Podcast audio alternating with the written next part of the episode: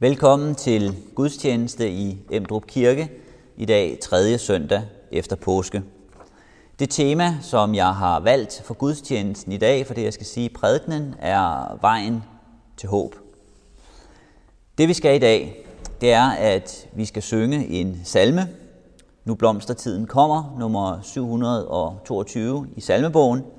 Den er delt op i to afdelinger, så vi synger den af to omgange. Så skal vi have en læsning fra Hebræerbrevet kapitel 4 og en fra Johannes evangeliet kapitel 14. Inden jeg holder prædikenen, så skal vi synge nummer 7 fra salmebogen Herre Gud, dit dyre navn og ære. Velkommen til gudstjeneste.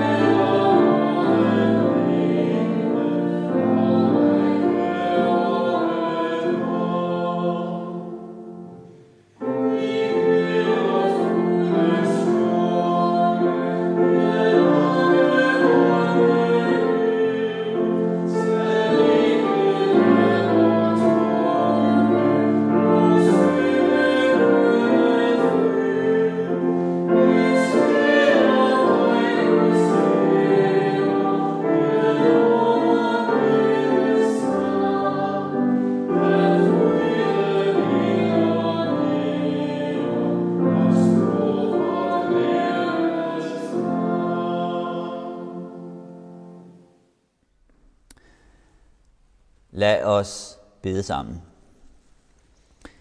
Herre vor Gud, himmelske Far, du som i god og faderlig hensigt opdrager dine børn under prøvelser her på jorden, for at vi skal dele kår med din enborne søn, både i lidelse og siden i herlighed.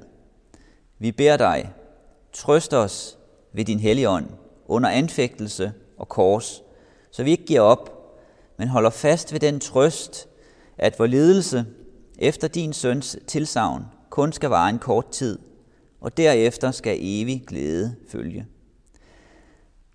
Hjælp os til, at vi i dette håb kan overvinde al ulykke med tålmodighed og blive evigt salige ved din søn, Jesus Kristus, vor Herre, som med dig lever og regerer i Helligånds enhed, en sand Gud, fra evighed og til evighed.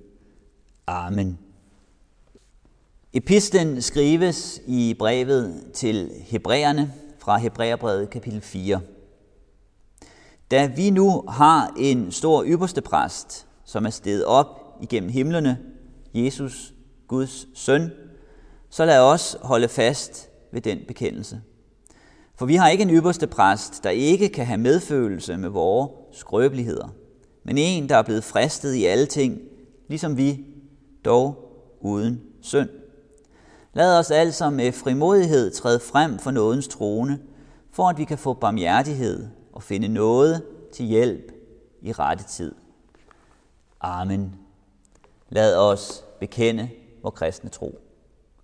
Vi forsager djævelen og alle hans gerninger og alt hans væsen. Vi tror på Gud Fader, den almægtige, himlens og jordens skaber. Vi tror på Jesus Kristus, hans enborgne søn, vor Herre, som er undfanget ved Helligånden, født af Jomfru Maria, pint under Pontius Pilatus, korsfæstet, død og begravet, nedfaret til dødsriget, på tredje dag opstanden fra de døde, opfart til himmels, sædende ved Gud Faders, den almægtiges højre hånd, hvorfra han skal komme at dømme levende og døde. Og vi tror på Helligånden, en hellig almindelig kirke, de hellige samfund, søndernes forladelse, kødets opstandelse og det evige liv. Amen.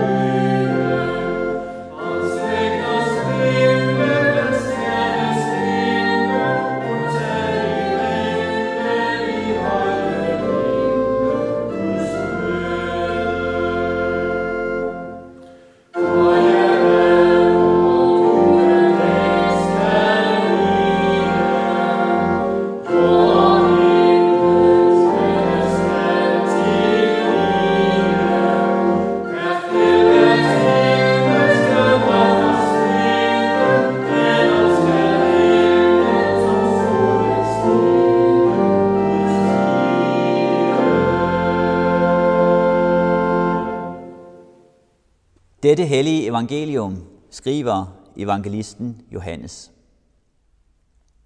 Jesus sagde, Jeres hjerte må ikke forfærdes.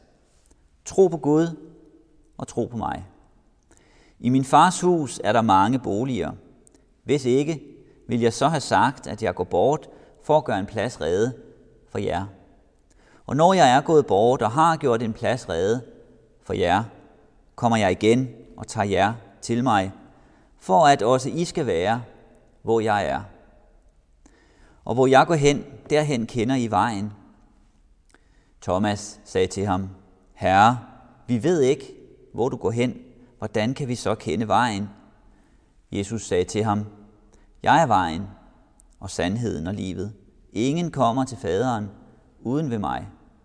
Kender I mig, vil I også kende min far, og fra nu af kender I ham og har set ham. Filip sagde til ham, Herre, vis os faderen, og det er nok for os. Jesus sagde til ham, Så lang tid har jeg været hos jer, og du kender mig ikke, Filip. Den, der har set mig, har set faderen. Hvordan kan du så sige, vis os faderen? Tror du ikke, at jeg er i faderen, og faderen er i mig? De ord, jeg siger til jer, taler jeg ikke af mig selv, men faderen, som bliver i mig, gør sine gerninger. Tro mig, at jeg er i faderen, og faderen er i mig. Hvis ikke, så tro på grund af selve gerningerne. Amen. Lad os bede. Tak, Jesus, at du ønsker at vise dig for mennesker, komme til mennesker, vise, hvem Gud er. Vi beder så om, at du også vil komme til os for at vi må på vores måde se dig, have fællesskab med dig og have fællesskab med Gud. Amen.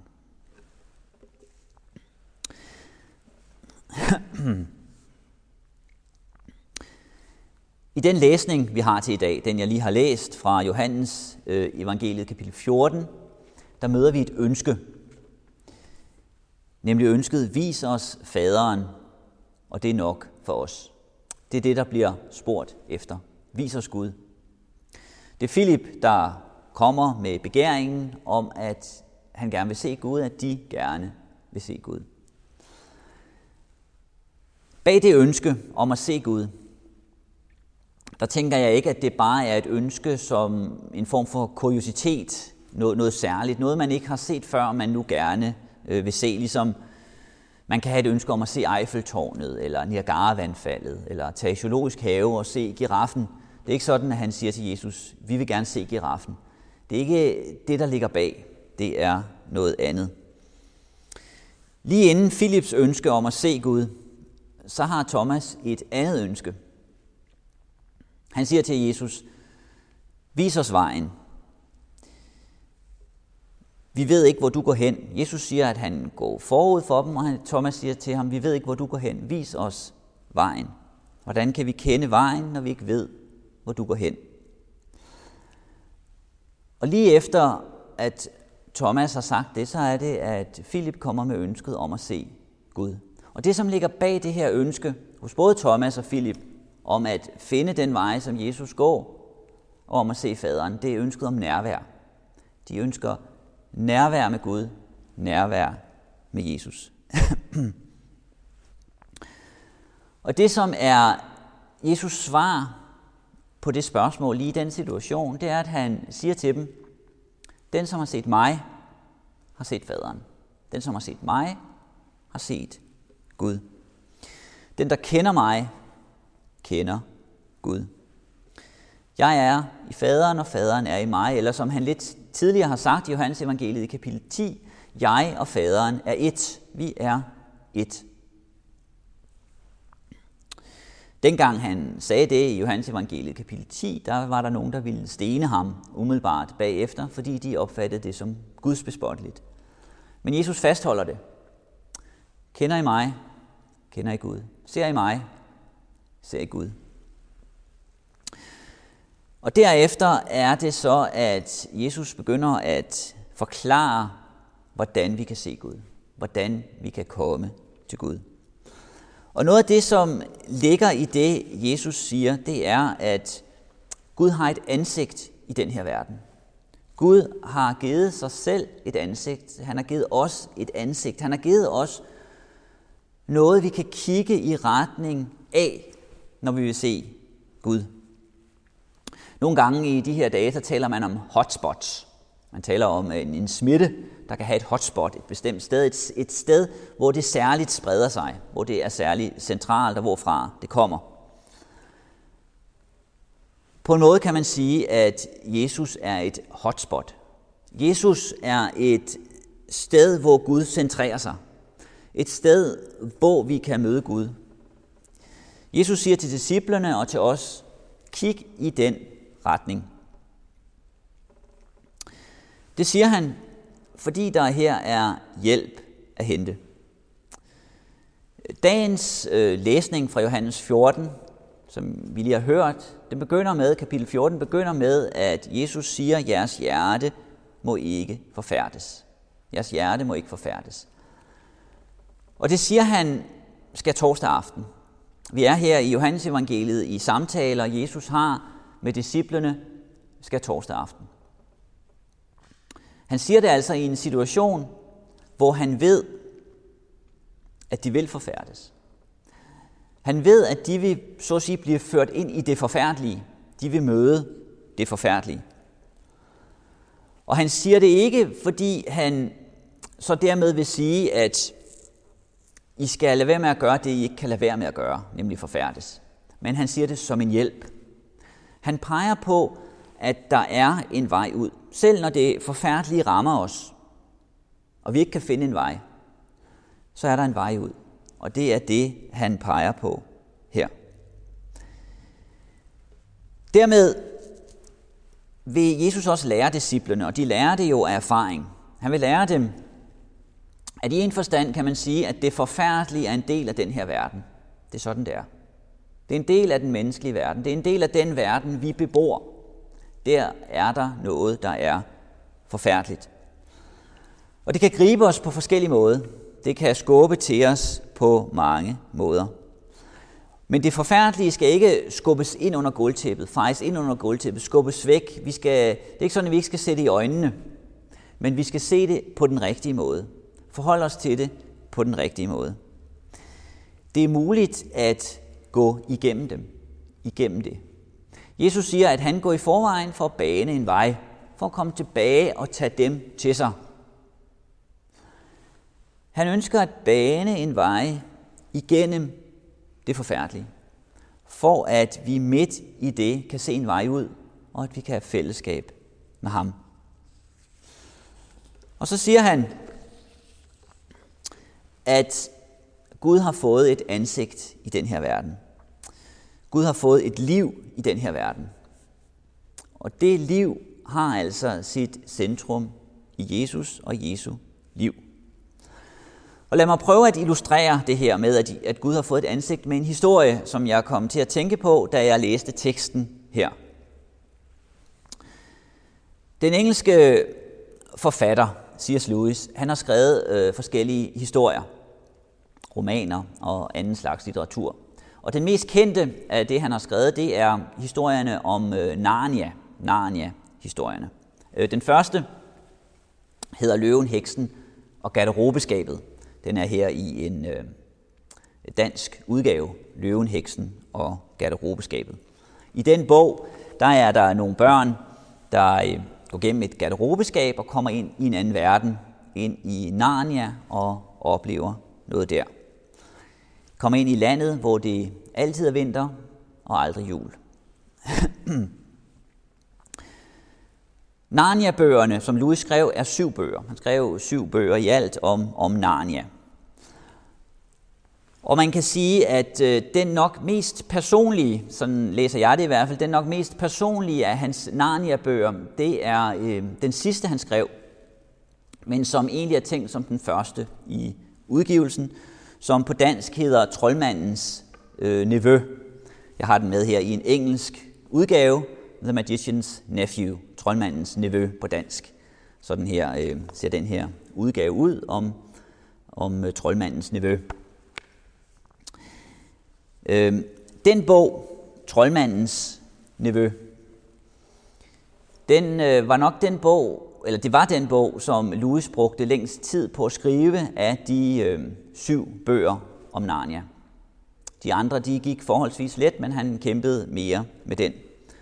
Og det var den, han sidst øh, blev færdig med at skrive. Det var ikke den, der udkom sidst, den udkom næst sidst. Øh, men han brugte lang tid på at skrive den, og den er egentlig tænkt som den første af bøgerne i serien. Fordi det, vi møder i den bog, Troldmandens Nevø, det er, at Narnia skabes. I den bog er der noget, som øh, kan virke meget personligt, når man ser på Louis eget liv. Da Louis var øh, ni år gammel, da, øh, da døde hans mor. Øh, han beskriver det i bogen øh, Overrasket af glæde, Surprised by Joy, Overrasket af glæde. Det er sådan en form for selvbiografi, eller han beskriver dele af hans liv. Og der beskriver han, hvordan han var ni år, da hans mor døde. Hun havde kraft, hun havde været igennem en sygdomsperiode i, i længere tid. Og han savnede hende. Han fortæller også, hvordan han en, en nat husker, han havde tandpine og kaldte på hende, og hun kom ikke. Han kunne ikke forstå, hvorfor hun ikke kom, og han græd.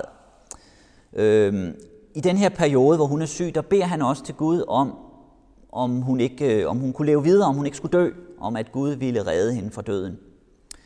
Men det sker ikke. Hun dør. Og Louis beskriver, hvordan han har en oplevelse af, der, dengang da han er ni år, at hans verden falder sammen, da hans mor dør. Fastlandet sank, skriver han. Der var bare øer tilbage. Så det var en, en krise i hans liv, en katastrofe, der ramte ham. Da Louis så er 56 år gammel, i 1955, der er det så, at han udgiver bogen Troldmandens Nevø. Og Troldmandens Nevø handler blandt andet om en dreng. En dreng og en pige er, øh, er øh, hovedpersonerne i bogen, og de, de her to, drengen og pigen, de kommer ind i en anden verden på, øh, på magisk vis. Øh, drengen i historien, han har en mor, øh, der er syg.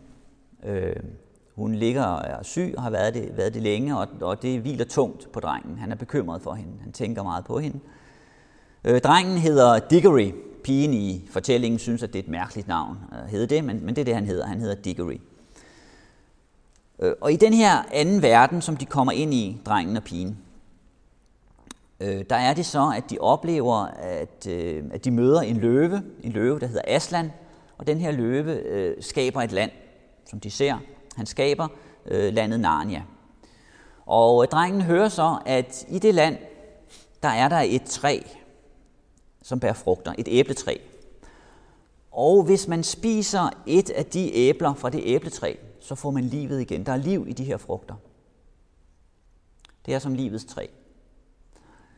Øhm, og han får den tanke, at hvis han kan få lov til at få et af de her æbler med tilbage til sin mor, og give det øh, til hende, så kan hun blive rask. Og det er et ønske, han, øh, han har, og han spørger Aslan, om han kan få lov til det. Til sidst i historien kommer han så tilbage til udgangspunktet, til sin verden, og han har et æble med fra træet for at give det til sin mor. Der er i øvrigt øh, i den her engelske udgave et, et, et øh, billede øh, af det. Det er faktisk det billede, som også var i den øh, oprindelige udgave af Troldmandens Niveau på engelsk, hvor man kan se, at Diggory er ved sin mors sygeseng og taler med hende. Og så i bogen, efter at moren har spist det her æble, han kom med, så læser vi, hvordan han, øh, Diggory går rundt og kigger øh, på den her verden. Og det synes ham, som om den verden, han nu er i, at den er helt almindelig. Der er intet magisk ved den, der er intet særligt ved den. Den er helt almindelig. Og øh, han, når han ser det, så kan han ikke rigtig håbe, at hans mor kan blive rask. Men så står der, at han så tænkte på Aslans ansigt. Og når han tænkte på Aslans ansigt, så fik han igen mod til at håbe. Så kom håbet tilbage. Med Aslan og med historien om Aslan, der fulgte en anden verden, som gav håb til Diggory. Den her historie, Troldmandens nevø, kom jeg til at tænke på, da jeg læste her om øh, Johannes evangelie kapitel 14, og det Jesus fortæller disciplene og os.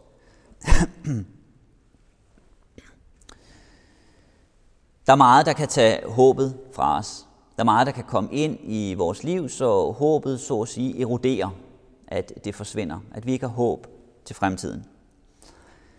Hvad, det, hvad der gør det, kan variere fra person til person. Når vi ser på disciplenes liv, der kan vi se, at det går op og ned for dem. Der er perioder, hvor håbet er stærkere end i andre perioder.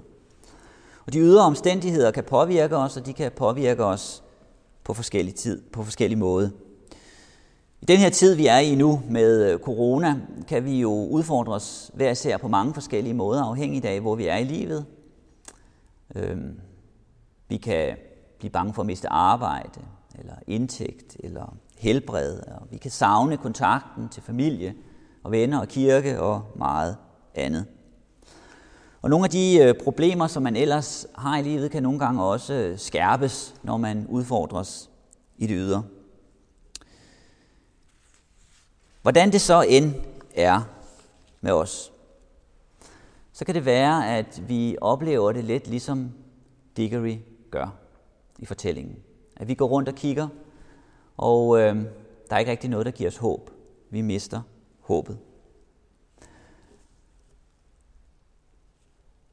Og der er det i den situation, at Jesus siger til os, jeres hjerte må ikke forfærdes.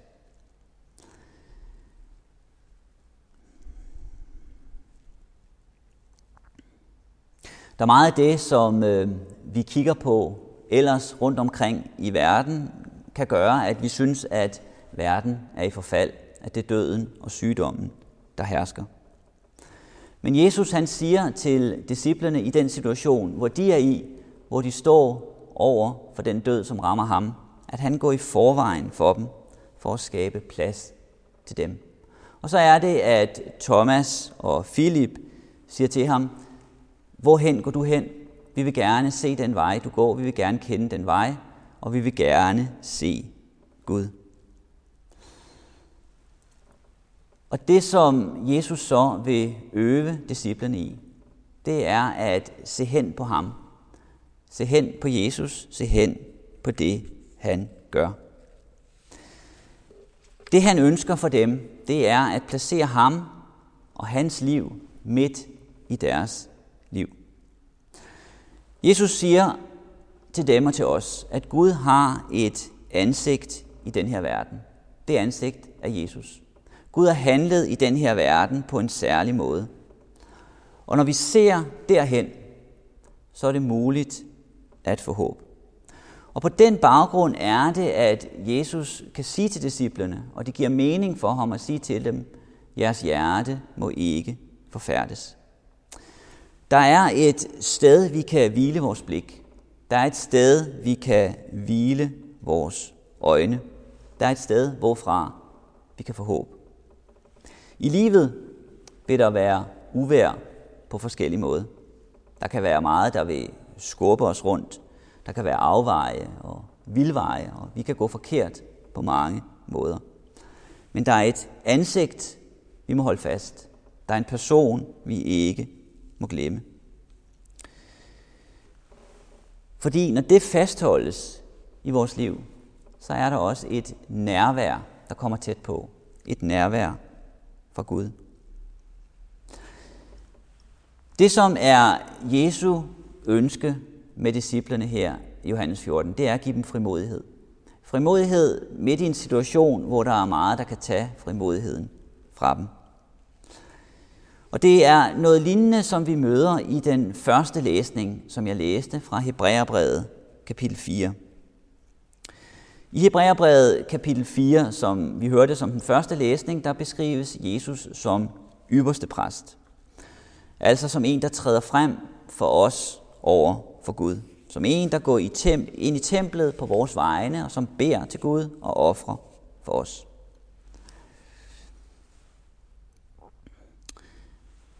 I den øh, smågruppe, som jeg er i øh, her ved kirken, der mødes vi for tiden hver onsdag aften øh, over Skype og taler sammen om øh, nogle bibeltekster. Og den tekst, vi læser for øjeblikket, det er Hebræerbrevet, som vi er ved at læse.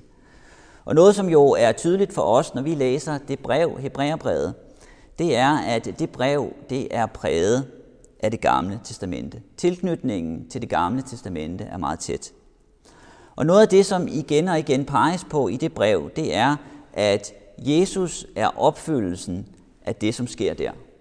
Det, som sker der i det gamle testamente, kan kun ret forstås, når vi medtænker Jesus. Og når han beskrives som ypperste præst, så er det jo netop en funktion fra det gamle testamente, der beskrives til at forklare for os, hvem Jesus er. Han er den, der går i stedet for os. For at gå i forbøn for os. For at ofres for os. Men han er også mere end det, får vi at vide i Hebræerbrevet.